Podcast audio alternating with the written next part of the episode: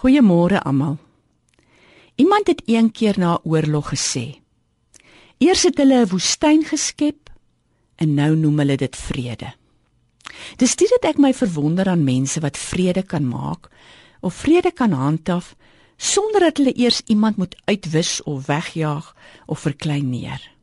'n Mens dink onwillekeurig hier aan Jesus wat voete was en Paulus wat brief na brief by die Christene pleit om saam te staan en nie groepies te vorm op grond van hulle verskille nie, maar eerder by mekaar te hoort op grond van hulle ooreenkomste. En wat mense by mekaar hou. Wat hou mense by mekaar? Is dit nie eintlik maar net liefde nie?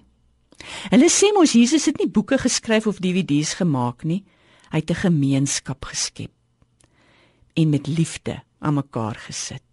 So kom ons verwonder ons vandag oor die liefde en die gemeenskap wat daar onder ons is. As ons dit maar net sal erken en raak sien.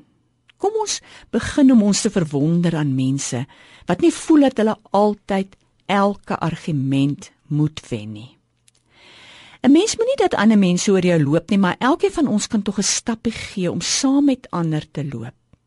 In Zulu is daar 'n spreekwoord wat sê ontmoet mekaar halfpad sodat ons saam na dieselfde plek kan gaan.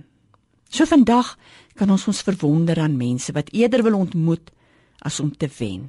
Ek sien dit so baie in die kerk. Jy probeer om mense treetjies na mekaar te laat gee, maar hulle wil nie laat los voordat daar bewys is dat die een reg is en die ander een verkeerd is nie of eerder dat ek reg is en die ander persoon is verkeerd nie. En eintlik weet jy, As dit om vrede en eensgesindheid gaan, is ons almal reg. Ons is reg wanneer ons glo dat ons regtig 'n samelewing op liefde kan bou. Hoe kan ons daarmee verkeerd gaan? En dis dit dat ons nou ook aan die begin van hierdie dag kan bid. Here, laat ons vandag aan niks anders dink as hoe ons die pad saam met mekaar kan stap nie in vrede. Ons wil nie in die woestyn bly nie nadat ons mekaar uitgeroei het nie. Stap u vandag die pad van vrede saam met ons. Amen.